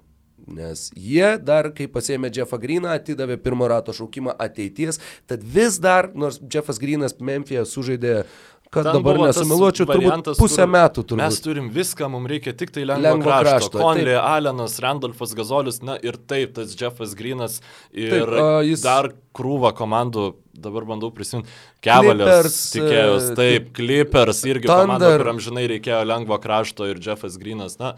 Uh, Tikrai manau, kad per atkrintamasias bus bent vieneros rungtynės, kur Jeffas Grinas per kelinį, trečią kelinį sumes kokius 3 tritaškius ir ten e, gal net 4 ir visi sakys, wow, nu kaip Taip, gerai. Tai yra tas krepšininkas, tai ir buvo jo didžiausia karjeros bėda, kad visą laiką būdavo, kur jis yra sumetęs ir virš 40 taškų per rungtynės, bet uh, labai dažnai būdavo, kur jisai sumetė 3, tada sumetė 32, tada sumetė Taip, 5. Bostono Celtics fanai tai vadina Jeffo Grino special. Tai va. Kažkaip Jo, jisai kažkurį Beje, sezoną... Jeffas Grinas uh, žaidė su Westbrooku ir Hardenu Oklahomoje, tad uh, toks senos geros Beje, kompanijos vėl. Tai... Kendrika Perkinsą dar tokiu pasiema. E, buvo toksai, tokia statistika, tikrai nepas, neprimenu kažkurį sezoną, bet e, Jeffas Grinas buvo daugia, krepšininkas, kuris turėjo daugiausiai kombinuotų rungtynių, kuriuose pelnė virš 20 taškų ir mažiau negu 10 taškų, žodžiu, toksai.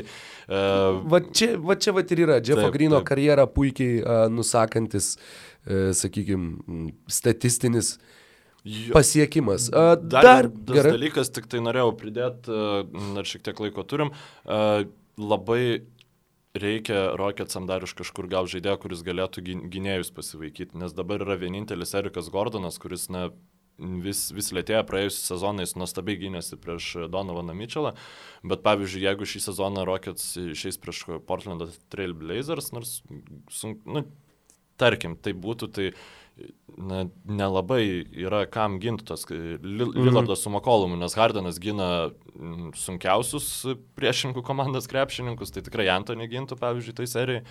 Ir Vesbrukas irgi nėra tas krepšininkas, kuris labai gerai ne, ne, ne, ne. Tai yra Ostinas Riversas. Portlando tai apskritai būtų, uf, jeigu vėl pamatyti Lillardą prieš Vesbruką atkrintamosiose, labai norėčiau. Bet... bet kita vertus, daugiau komandų tokių su labai pajėgiom gynėjų linijom nėra. Jis yra vat, būtent e, dominuoja tiek Lakers, tiek Clippers, dominuoja krepšininkai, kuriems na, reikia tokių krepšininkų kaip Carolas, Tuckeris. Covingtonas. Covingtonas, taip ir, na, ma, aš labai būčiau Lakers arba Clippers fanas, žiauriai nenorėčiau prieš Rockets žaisti. Tai prasme, tikrai tai yra komanda, kuri, na, netyčia galit parodyti fundamentalų tavo komandos trūkumą kažkokį, apie kurį tu net neįsivaizduoji. Ir tu jo nesugebėsi sutvarkyti per vieną. Ar seriją. Lakers būtų lengviau žaisti prieš šokės dėl to, kad jie, dėl jų priekinės linijos? Ne, nes Lygin, jie, lyginant su Clippers. Manau, kad Clippers uh, būtų šiek tiek lengviau dėl to, kad jie visada gali aikštai turėti uh, pilnai pataikančius krepšininkus. Plus turi, uh, jeigu galiu papildyti, įsiterpti, žaidėjus, kurie gali stabdyti tiek Harną, tiek Westbrooką. Taip, o Lakers, na, Ta prasme, Ves, Vesbrukas gali savo kimarinti, labai atsiprašau už išsireiškimą prie Dwighto Howardo ir tiem tikrai tai yra nu, labai, labai gera rolė. Tiesiog Lakers trūksta normalių krepšininkų. Ir tiek. Nu, Clippers turi jų Apščiai, labai daug. Apščiai. Ir dar vienu pasipildė. Taip, a, prieš dar perinant į tą papildymą, Sorry. radau dar ketvirtą žaidėją, kuris yra Houstone iš senos kompanijos Oklahomoje. Mm.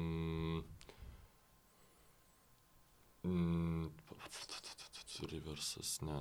okay, sakyk, ne, neturiu. Tabose Fološa. Tiksliai. Tabose Fološa Irgi- taip pat žaidė su, visa, su visais tais uh, vyrukais, či- šiaip iš įdomumo ten kartu su jais žaidė ir Klaipėdos Neptūnė, neseniai žaidęs Kailas Vyveris.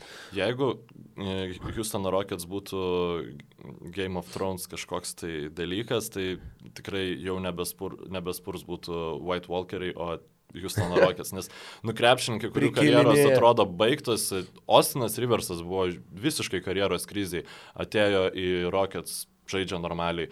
E, Jeffas Greenas, Demarė Carolas, pamatysim, kaip bus. e, Tabose Falauša irgi jau buvo. Nu, Atrodė, kad jis jau visiškai- baigė karjerą. Taip, taip. Ir net Benas Mekelmaras žaidžia geriausią karjeros sezoną. Taip, nu, žodžiu. Mm, tik, tikrai taip, o tokie, tokie turi kažkokį, e, kaip tą, fi, filosofo akmenį, su, su kuriuo gali prikelti mirusius krepšininkus išminties akmenį, teisybė. E, tad tas persikėlimas ir dar vienas krepšininkas, kuris papildė Los Angeles Clippers, yra iš Detroito Pistons, išpirktas ir atleistas paskutinysis Stano Van Gundy eros palikimas įžaidėjas Reggie Jacksonas. Mykolai, kiek, kiek naudinga yra Clippers įsigyti šį krepšininką atsižvelgiant į tai, jog jie savo gynėjų rotacijų turi aibę, na ne aibę, tačiau pakankamai gerų, gerų žaidėjų. pakankamai. Ir tuo pačiu, kiek yra būtent e, jiems naudinga iš jų pačių komplektacijos požiūrio, o kiek yra šitas įėjimas atliktas tam, kad Lakers negautų to pobūdžio žaidėjo, kurio, kuris jiems tikrai būtų labai pravertas. Jo, taip žiūrint grinai iš iš šalies, manau, kad čia pir pirmiausia, tu pasidarai, kad jo nepaimtų Rockets ar Lakers, komandos, kurios nu, tikrai gali, praverstų dar vienas gynėjas galintis žaisti su kamoliu, ypatingai Lakers, nes jie tiesiog be Lebrono Jameso ir Anthony Daviso nu, net, neturi ad- adekvataus su kamoliu žaidžiančio krepšininko. Ražonas Rondo. Nu, Gerai, tu sakėjai adekvataus, gerai. Ta na. prasme, so, sorry, tiesiog e, nemanau, kad e, atkrintamųjų serijų prieš e, normalią komandą Rondo būtų pozityvus O, krepšininkas. Naujo Orleano Pelicans prieš, Prieš Portlandą. vieną seriją. Taip, E, viena serija, Ir dabar bet ant tos vienos serijos jo visa reputacija, nu ir laikosi. Playoff Rondo, baby. Playoff Gerai, Rondo. nu, pama... Tikiuosi, jis mane užčiaups ir pamatysim ten visiškai, visiškai kitą krepšininką, negu jis dabar yra. Na, tiesiog nesu, ne prie dabartinės bent jau Beje, komplektacijos. e, viena tik tai detalė. e, Lakers prieš Rockets būtų dar labai smagu dėl Rondo prieš Krisą Polą. O... Pum, ką aš dabar kalbu, ir Krisas Polas yra Oklahoma. Nu, gal prieš, prieš Thunder gal pavyks pasisakyti. galbūt prieš Thunder. Galbūt Thunder liks aštunti ir, ir, uh, ir toks scenarius yra. Ne, mano tai svajonė yra Clippers prieš Rockets, kad būtų ir būtų Beverly prieš Westbrooką ir būtų kažkas smagaus. Va, tų, tų mini prieš priešų, va, tų žaidėjų, kurie negali pakesti vienas kito, oi, labai, labai, labai laukiu. Beje, šiaip tai- Westbrookas tokių beje nemažai turi. Ir kiekvienoje komandai vakarų konferencijas. E, Reggie Jacksonas Clipperiuose nemanau, kad jis daug, gaus daug laiko atkrintamosiose, bet viena vertus tai yra nu kažkoks saugiklis, kur jeigu tau žiauriai neina polimas, ne- nežinau. Jeigu traumą gauna Beverly beje, kuris, kuris Netgi ne, yra tai praleidęs manau, nemažai ne rungtynių. Beverly, o Louis Williamsas, jeigu gautų traumą ir tu nebeturėtum to tokio katalizatoriaus uh, nuo suolo kylančio, tai vis vien yra toks Deniso Šrioderio profilio krepšininkas, kuris, na, Labai geras gali, palyginimas. nu, mi, mikrobangė, žodžiu, gali užsidegti, gali biški pataikyti. Ir plus e, gali gerai žaisti 2 prieš 2, va būtent. su Herelu, žodžiu, tai tikrai, nu, tai nėra blogas krepšininkas ir Clippers absoliučiai nieko neprarado, jie nereikėjo jam atleisti ant kažko ar, ar panašiai, kad mm. tą krepšininką integ- integruotų. Aišku, jei jis gaus daugiau minučių negu Landry Šemetas, tai na, man šiek tiek klausimų kels šitas e, sprendimas, bet e, tikrai Dokas Riversas Net ir nėra. atkrintamosiose, nebent, bet net ir atkrintamosiose šią meto uh,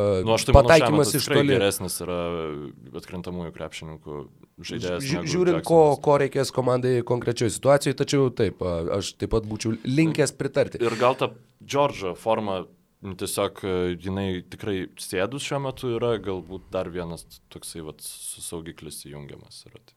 Taip. a, Beje, pažiūrėti į šitą norisi ir iš Detroito Pistons pusės, kadangi jie nusimetė Andrę Dramondą, išpirko Reggie Jacksoną, pagaliau, kaip jau prieš tai minėjau, na, priima pakankamai racionalius sprendimus, yra statoma komanda aplink jaunus žaidėjus ir kažkodėl Derika Rauzą, bet e, apskritai Pistons visas, visas, na nežinau, nuo tada, kai jie 2004 a, laimėjo prieš Lakers, Paskutinis jų geras sezonas buvo 2007-2008 metai, kai jie iškovojo 59 pergalės, patyrė 23 pralaimėjimus. Komandai dar tuo metu buvo Čionsi Bilupsas, Rašydas Volasas. Iš esmės tas pats brandolys, kuris. Teo Ratlifas ir Antonijo Magdaisas. Na, tai tikrai tokie vardai, kur žiūri ir galvoji, wow, kaip seniai tai buvo. 2008 metų lapkričio 3 iškeitė Bilupsą Magdaisą ir Šeichą Samba. Neklausk manęs, kas tai, bet jis yra žaidęs NBA į Denverį už Alan Iversoną. 2009-aisiais dėl to turėjo e, daug laisvos erdvės algų kepuriai ir pasėmė su milžiniškais kontraktais ilgais Beną Gordoną ir Charlie Villanueva, kuriam mokėjo 29 milijonus už keturis sezonus. Tais laikais tai buvo milžiniški pinigai. Po kelių dienų iškeitė jauną Aaroną Flalo ir Volterį Sharpą į Denver Nuggets už ateities antro rato šaukimą, kuriuo vėliau pasirinko Vernoną Mekliną. Jeigu tu žinai, kas tai yra, tai uh, gali papasakot, bet turbūt net ir nebūtina. Uh, 20 metais jie dar sugebėjo įsigyti Tracy McGrady, uh, jie pasirinko Brandoną Naitą 8 šaukimu 20 metų nuojokų biržai, kai 9 šaukimas buvo Kemba, 11 buvo Clay Thompsonas, 15 buvo Kawhi Leonardas. Uh, 2012 vasarą jie iškeitė prieš 3 metus įsigytą būsimą savo superžvaigždę Beną Gordoną ir pirmo rato šaukimą iš Šarlo galvoti, kad nusimestų jo kontraktą kaip, kaip niekam tikusį sprendimą. Tada devintų šaukimų pasirinko Andrė Dramondą, čia 212, 39 sugebėjo pasirinkti Krisą Middletoną, bet 2013 jie jį iškeitė už jį kartu su Brandonu Naitu ir Večeslavu Kravcovu už Brandoną Jenningsą ir pasirašė milžinišką kontraktą su Joshu Smithu. Ir uh, Joshas Smithas beje uh, Detroito Pistons fanų forumuose kai kuriuose yra vadinamas He Who Shall Not Be Named. Uh, nes vis, vis dar, dar moka. Taip, beje, vis dar moka. Virš 5 milijonų šiame sezone, šiame sezone Detroito Pistons moka Joshui Smithui, kad jis atsiprašė knistų nuo komandos ir tiesiog uh, ne, nekeltų kojos į Detroitą. Uh, Reikia priminti, kad jis 15 metais buvo išpirktas. Taip, 15. 14. 14. 14 gruodį. Stanas Vengandį atėjo 14. 15 playoffuose žaidė už Rocketsus. Taip, taip. 14 atėjo Vengandį, pabandė iškeisti Džošą Smithą, niekas jau iki tiek nenorėjo, kad nusprendė, jog geriau yra mokėti šešis metus Džošui Smithui pinigus, ne, negu kad uh, turėti jį savo komandai. E, apskritai, Stanas Vengandį buvo, na, tai buvo ta era, labai trumpa era, kai uh, Vėliau ir Tomas Tibodo tapo tuo, tuo pat dvigubu, na, sakykime, ir vyriausių trenerių, ir krepšinio operacijų prezidentu. Stanas Vengandys su ta pačia sąlyga atėjo į Detroito Pistons ir priėmė, Clippers. e, Dokas Riversas Clippersuose, priėmė eilę blogų sprendimų. Stanas Vengandy, laisvų jų agentų pirkimai. Jonas Lueris su milžinišku kontraktu. Tas pats Reggie Jacksonas, kur va, dabar tik tai baigėsi penkerių metų kontraktas, kurį jie pasirašė tada su juo ir kalbėjo apie tai, jog svarbiausia, kad pasirašėm ilgalaikį kontraktą su šiuo žaidėju. Apskritai nuo 2009 metų Pistons turėjo 8 top 15 šaukimus ir iš jų dabar komandoje yra 2. Tai yra Sekų Dumbuja pasirinktas ką tik tai ir Lukas Kenardas pasirinktas 2017 vienu šaukimu aukščiau atakuojantis gynėjas negu Donovanas Mitčelas. Ir Nu, Mitčelas bus juoda dėmė daug, daugeliui komandų, bet čia... E, Lukas Kenardas beje šiuo metu yra kartu su Langstonu Galloway yra ilgiausiai Detroito Pistons klube rungtyniaujantys krepšininkai. Na, visiška tamsa per visą šį, šį laikotarpį, kurį, kurį dabar taip glaustai apžvelgiau.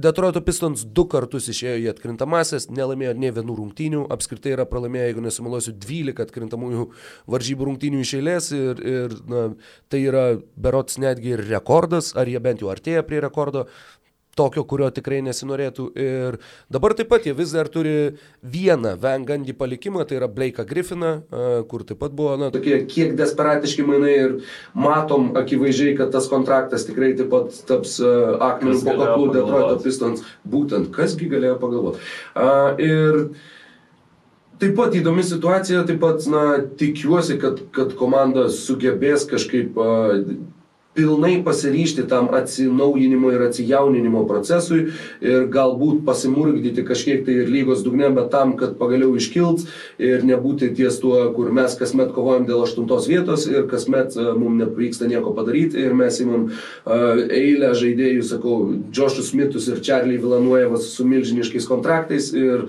a, Detroitas yra, sakykime, tas klubas, kuris lygai, na aš nežinau, kiek tai finansiškai būtų gerai, bet nežinau, man kaip iš šalies stebinčiam, tai yra ta komanda, na, kuri tiesiog istoriškai, na, jinai turi būti geresnė.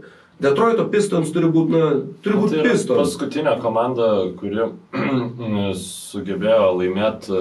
Be superžvaigždžių. Nu, taip, be, be, be vadinamų superžvaigždžių lygio. Man tai iš vis yra labai skaudu, nes ta, ta serija finalo prieš Lakers buvo mano pirmas toks realus sąlytis su NBA krepšiniu, kur aš kiekvienas rungtynės keliausi stebėjau ir ten buvau tikrai didelis Pistons fanas, nes pamenu, tėtas sakė, nu, čia jau be šansų, čia Lakeriai išėjo iš, iš vakarų konferencijos, tai ten jau tikrasis finalas sužaistas ir dabar jau ramiai laimės. Nu, nes taip visada būdavo ten ankstyvais 2000 metais po... po Plius tai buvo tie metai, kai Lakeriai turėjo Maloną ir Peytoną. Tai... Bet aš atsimenu, kad NBA Action laidoje rodė, kad vat, Pistonai dabar yra naujieji Bad Boys ir čia labai gerai gynasi ir, nu, vat, su tą mintim aš juos palaikiau ir ten, aišku, Benas Volas su savo afroto visų. Su savo volasais. Nu, jo su savo volasais. Nu, žodžiu, ten mm, e, devinmečiui berniukui man tuo metu buvo visiškai, visiškai svajonių komanda ir labai gaila buvo matyti, kaip ta komanda taip pabiški, taip, o, nu, okei, okay, Gordoną pasijėmė, pamenu, buvo tas puslapis nbaworld.lt, kur visas nu, naujienas per ten sekdavau. Ir toks tipo, nu gerai, vad gal čia kažkas bus, tada pasijėmi ten per NBA, aišku, pažaidė su tais naujais žaidėjais, nu kažkaip nu, nieko, tada Villanueva pasijėma. Ir taip, o, velnas. Ir, nu, taip, aišku, tada ir, ir, ir baigėsi tas palaikymas komandai, kai jinai, nu, tiesiog, nežinau, manau, daug lietuvių fanų, mano bent jau pažįstamų, tas komandas NBA palaiko labiau jų kartom, o ne, nu, tiesiog, kad vat, aš visada sargu užpistas, nes, mm -hmm. nu, tiesiog e, nieko bendro absoliučiai komanda po šešerių metų neturėjo su ta komanda, kurią, nu, nežinau, pamilau ir, ir norėjau, kad jie įsektųsi. Tai, nu, tikiuosi, kad jie nepaseks Bulls atsinaujinimo keliu, o gal labiau žiūrėsiu kokį, nežinau, Hoksų pavyzdį arba Dallas Mavericks ir sugebės biški sklandžiau praeiti per visą tą procesą. Tai tikrai taip. Tad sėkmės Detroitui, kaip jau minėjau, manau, kad ir daug kas, kas, kas domisi NBA, kas klausosi šitos laidos, pritars, jog stiprus Detroito Pistons, nu, turi žavesio. Tiesiog klubas, aš nežinau, būtent istorija, visa, visa Bad Boys era, tie patys Get to Work ar Go to Work, kaip vadinosi ta komanda, kurią, kurią tu palaikai, jie turėjo šūkį tuo metu Ar tai gets to work, ar tai go to work, bijau sumeluoti, bet aš žodžiu, kad, kad Pistons, ypač jeigu, jeigu jie kažkokiu tai būdu surinktų va, tuos krepšininkus, kurie irgi turėtų tą, tą tokį kietą kaktiškumą ir, ir, ir kažkiek sportinio pykčio, tai be abejo būtų taip pat simboliška ir gražu. Mes jau stipriai užsikalbėjom, tačiau yra dar viena tema, kurią, kurią labai norėjom paliesti, tai yra New Yorko Knicks pokyčiai, New Yorko Knicks keičia dar vieną, wow, dar vieną. Uh, kaip čia pasakyti, e, savo, savo sudedamąją dalį, e, tai yra klubo vadovu, klubo krepšinio operacijų prezidentu, tampa e, krepšinio agentas, agentūros CAA narys Leonas Rosas. Tad visų pirma, tai tas žingsnis, ką, ką parodo, kad Niks tikisi, Jamesas Daulanas, mano savininkas, tikisi, jog ryšiai, kuriuos kuriuos turi krepšinio agentas su, su savo atstovautais arba atstovaujamais, na dabar jau nebe atstovausimais krepšininkais, uh, taps pamatu to, kad pagaliau superžvaigždės atvyks į New Yorką. Uh, tai yra taip pat Mano manimu, tai yra truputėlį toks aklas kopijavimas to, jog Robas Pelinka, kaip buvęs agentas, neblogai tvarkosi Los Angeles Lakers klube.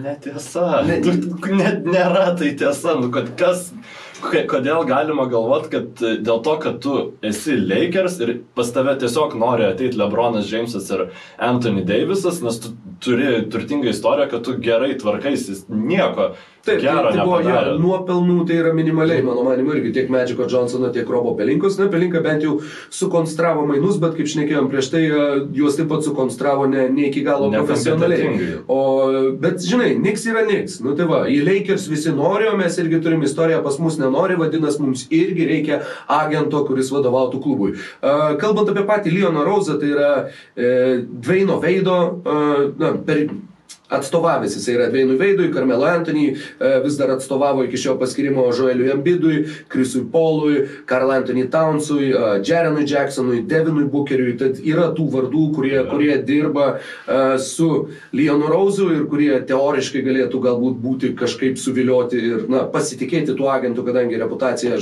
žmogaus tikrai yra galinga.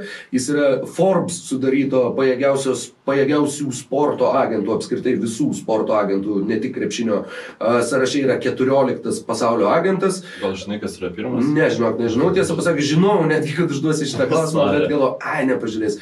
Per savo karjerą Leonas Rauzas yra suderinęs, skaičiuojant kontraktų sumas, beveik milijardą milijardą dolerių. Okay. Uh, tad tikrai taip pat įspūdingas skaičius. Ir uh, tuo pačiu uh, Leonas Rauzas yra žmogus, kuris e, sugebėjo paversti uh, 13 geriausiai apmokamų vidurio polėjų visoje NBA lygoje uh, Joną Valančiūną. Tai yra Jono Valančiūno agentas, perimantis New Yorko Knicks klubo prezidento postą. Net nežinau iš tikrųjų, ar kažkas Lietuvoje sureagavo į tai iš tos pusės ar ne. Na, su, galbūt sureagavo. Mes sureagavom. Mes sureagavom. Šitą ir e, Nežinau, mes kai su tavim vat, peržiūrėjom tuos krepšininkus e, važiuodami čia į darbą, į, į darbą, atsiprašau, įrašinėti tai tinklalaidas, e, pastebėjom, kad ne, nei, bent jau nešauna į galvą nei vienas iš tų krepšininkų, kad vat, būtų mm, pražiopsotas geras kontraktas. Na, nebuvo, mhm. ne, nebuvo tam sąraše Donato Matijūno, nebuvo tam sąraše Nerlenso Noelio ir kitų krepšininkų, kurie tiesiog dėl kažkokių tūpų, vėl labai atsiprašau žargoną, bet kitaip negaliu pavadinti, iliuzijų, atsisakė na, realių gerų pinigų ir užtikrintos rolės NBA komandoje. Tai bent jau savo buvusi darbą šitas žmogus dirbo labai gerai.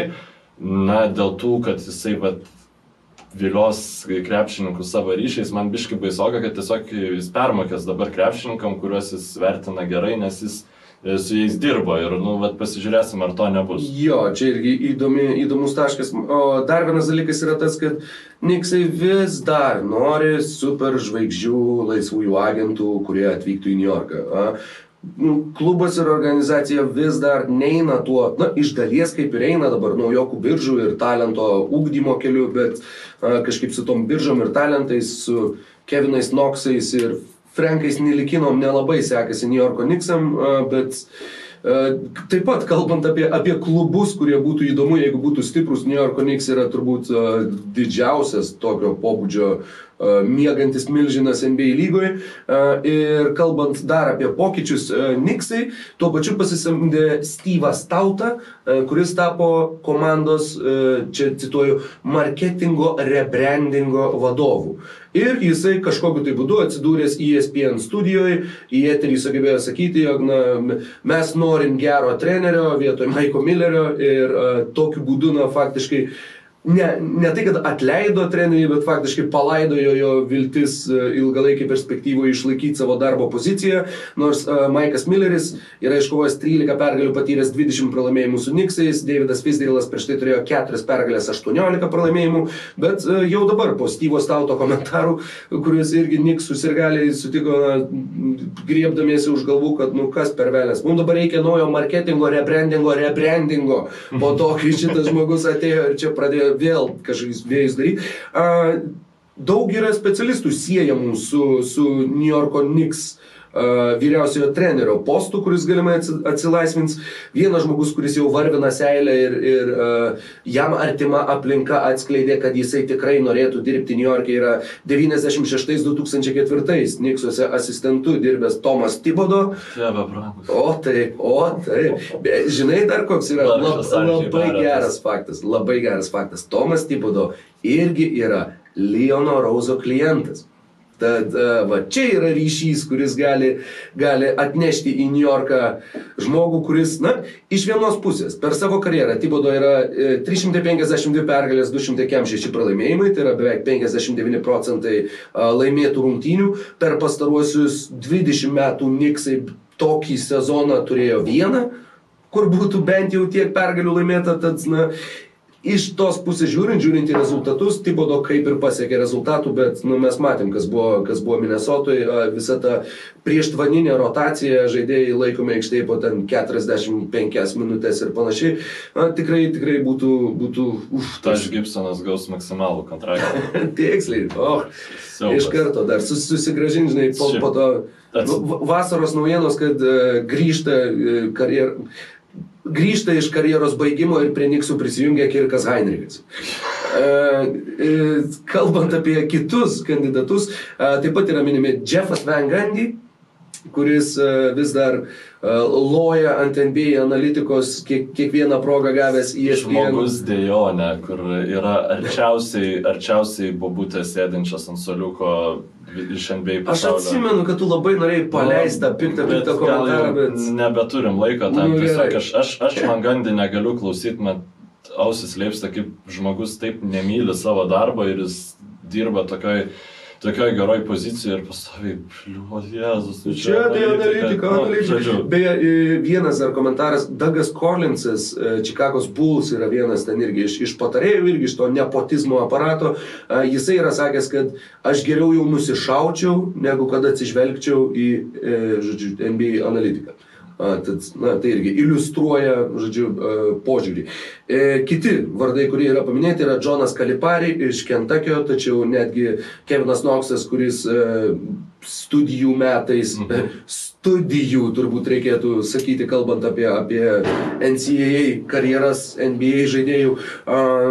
Tad netgi Kevinas Noksas sakė, kad Jonas Kalipari mažai tikėtina, kad susiviliotų atvykti į New Yorko Knicks. Dar vienas žmogus, kuris yra minimas, yra Jeffo Vangandy porininkas Markas Jacksonas, taip pat komentuojantis rungtynės. E, tad...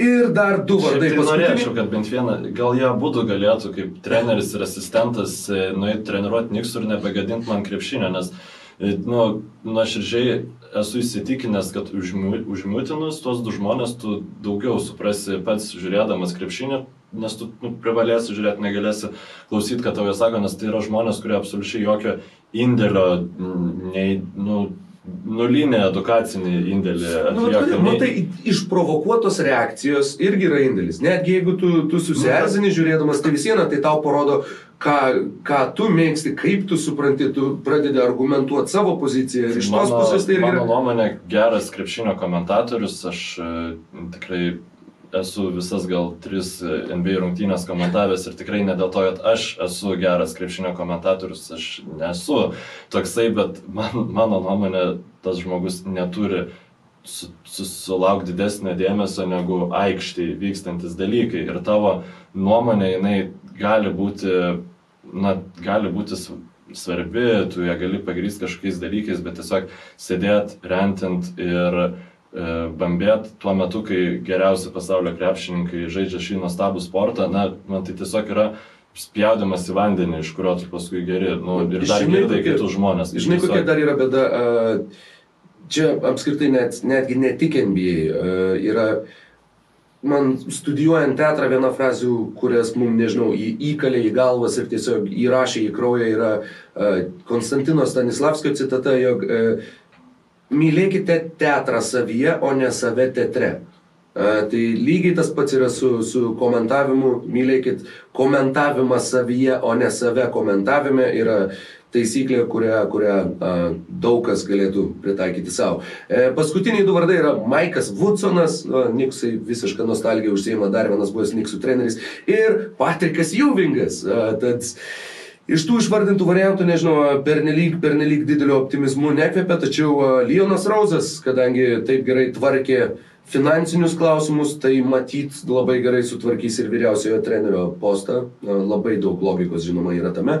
Bet, na, Niksai, Niksai bent jau keičiasi, bent jau kažką daro. Ir Jamesas Dolanas po dar vieno užrėkimo masiško, kad parduok komandą, nusprendė štai atleisti vieną iš, iš vadovaujančių asmenų, paskirti naują ir uh, sekti Lakers pavyzdžių. Ir žiūrėsim, kas iš to išeis, bet uh, lygiai taip pat man, man kol kas didelių vilčių šitas žingsnis na, nesuteikia. Labai noriu, kad ateitų Vangandis, pasiimtų savo, fuck those analytics ir ten pasiimtų Derozaną iš Sparsų O tą patį Aldridge'ą, tada vidurio polėje visiškai be metimo ir dar kokius nors du krepšininkus, kurie mėto tik iš vidutinio nuotolio. Ir, nu, ir, ir, ir tik tai po Svarbiausia, kad tai visus krepšininkus, kurie sako, kad, kur an, Analytics sako, kad tai nėra. Derek Rose. Dereką Rauzą, Demarą Derauzaną, Lamarcus Aldridge'ą ir, žodžiu, turėti tą visą. Ir tą aš Gibsoną. Ir tą Gibsoną, be abejo. Bobby Portisą palikti. Nu, velniai nematė, žodžiu, žiauriai gaila Arčiai Vereto ir labai, labai... E, kol, kol kas dar nėra ko gailė. Kol kas dar nėra ko gailė. Ne, nu man tiesiog yra nesmagu. Kad jis yra Niksas. Pagalvojus apie Niks, iškart gerkliai toksai, nu, nekoks skonis. Čikagos Bulls beje irgi uh, sirgaliai ten aptarinėdami tai, jog, jog klubas atlieka tą kosmetinį pokytį ir galimai ieško naujo generalinio vadybininko. Nuskambėjo ta frazė, kuri yra tikrai liūdna ir nesinori liūdna išbaigti, bet nu, tuo, pačiu, tuo pačiu ir sugelinti šypseną. Bulls ir gali nusprendė, jog thank God for New York Knicks. Nes kitaip mes būtumėm ta komanda, iš kurios visi šaipytųsi, tyčiotųsi ir maišytų ją su žemėmis. Tad uh, linkim ir jums nebūti Niksais, uh, siekti gyvenime uh, svajonių ir uh, gražių dalykų. Ir, ir meilės svarbiausia. Ir meilės svarbiausia ir nesistengti to padaryti kopijuojant kitus. Tad visiems, visiems gero, gero savaitgalio. Ir, ir reikia priminti, kad mus galite rasti e, Spotify, e, pat, pirmiausia Padbean, e, Apple podcast, Google podcast, audio platformose, bei taip pat galite mus sekti Basket News LT YouTube puslapyje, kur taip pat rasit kito labai daug smagaus turinio, taip pat galite paremti mūsų bei kitas tinklalaidas Basket News LT Patreonų puslapyje, kur yra suteikiama išskirtinai Patreonams e, ir taip pat nemažai įdomaus turinio. Ir susimatysime, susiklausysime su jumis e, kitą savaitę, jeigu pasiseks arba... Taip, jei Dievas duos. Jei krepšinio dievai bus maloningi, o jeigu ne, tai vis viena tikrai greitų metų. Tada dar sėkiu ačiū visiems ir laimingai. Sėkmės.